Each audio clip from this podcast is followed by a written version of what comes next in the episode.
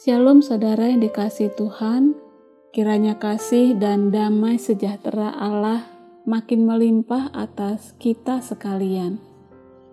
Senang bisa menyapa saudara kembali di hari baru ini, Jumat 11 Juni, dan berbagi berkat Tuhan dalam suara pastoral GKI Kota Modern. Saudara, marilah kita berdoa. Kepadamu ya Tuhan kami datang dan bersyukur atas kasih setiamu kepada setiap kami di sepanjang waktu. Hari ini kami rindu menjadi pribadi yang juga menunjukkan kasih dan setia kami kepadamu dengan mengasihi sesama kami. Hanya oleh firman-Mu pikiran kami diterangi dan oleh kekuatan-Mu kami bisa semakin hari mewujudkannya, hingga namamu dikenal dan dimuliakan. Dalam nama Tuhan Yesus kami berdoa, amin.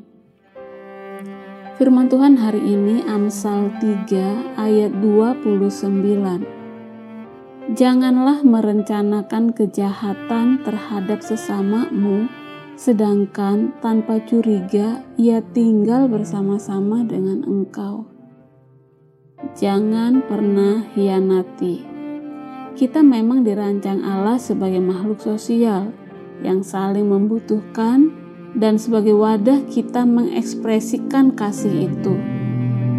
Kita tidak dirancang sebagai orang percaya yang hidup secara eksklusif. Dan syukur kepada Allah yang memperlengkapi kita bagaimana seharusnya orang percaya berinteraksi dengan orang-orang di sekitarnya, yaitu dengan hikmatnya. Selain harus berbuat baik kepada mereka yang memerlukan, tidak boleh menolak, tidak boleh juga menunda-nunda jika memang kita mampu melakukannya. Ternyata, sebagai orang percaya yang berhikmat, hari ini kita juga diajarkan untuk tidak boleh memiliki niat jahat terhadap orang lain atau berkhianat. Atau dengan kata lain, kita harus berlaku jujur apa adanya, tidak ada niat buruk yang terselubung, terutama kepada orang-orang yang memang tidak berlaku jahat. Alangkah teganya jika kita berbuat jahat kepada orang yang begitu mempercayai kita Pastinya Tuhan juga tidak ingin kita membalas kepercayaan tulus orang lain dengan cara yang merugikan. Namun menyedihkan ketika kita dengar ada seorang anak kecil yang dengan begitu polosnya ikut saja dengan orang yang dipercayainya, tapi ujungnya malah dilecehkan.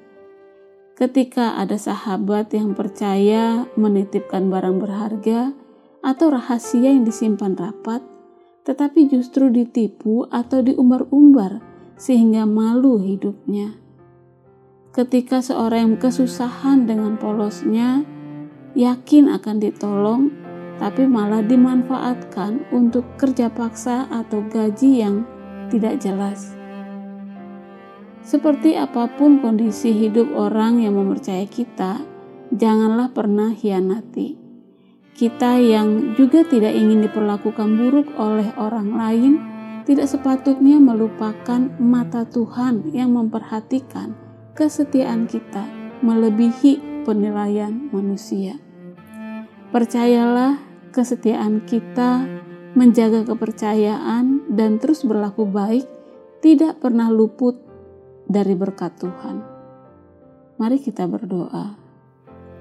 Tuhan, tolong kami hari ini dalam hidup dengan sesama kami, supaya hati kami tulus, dijauhkan dari pikiran, niatan, dan perbuatan jahat dan hianat.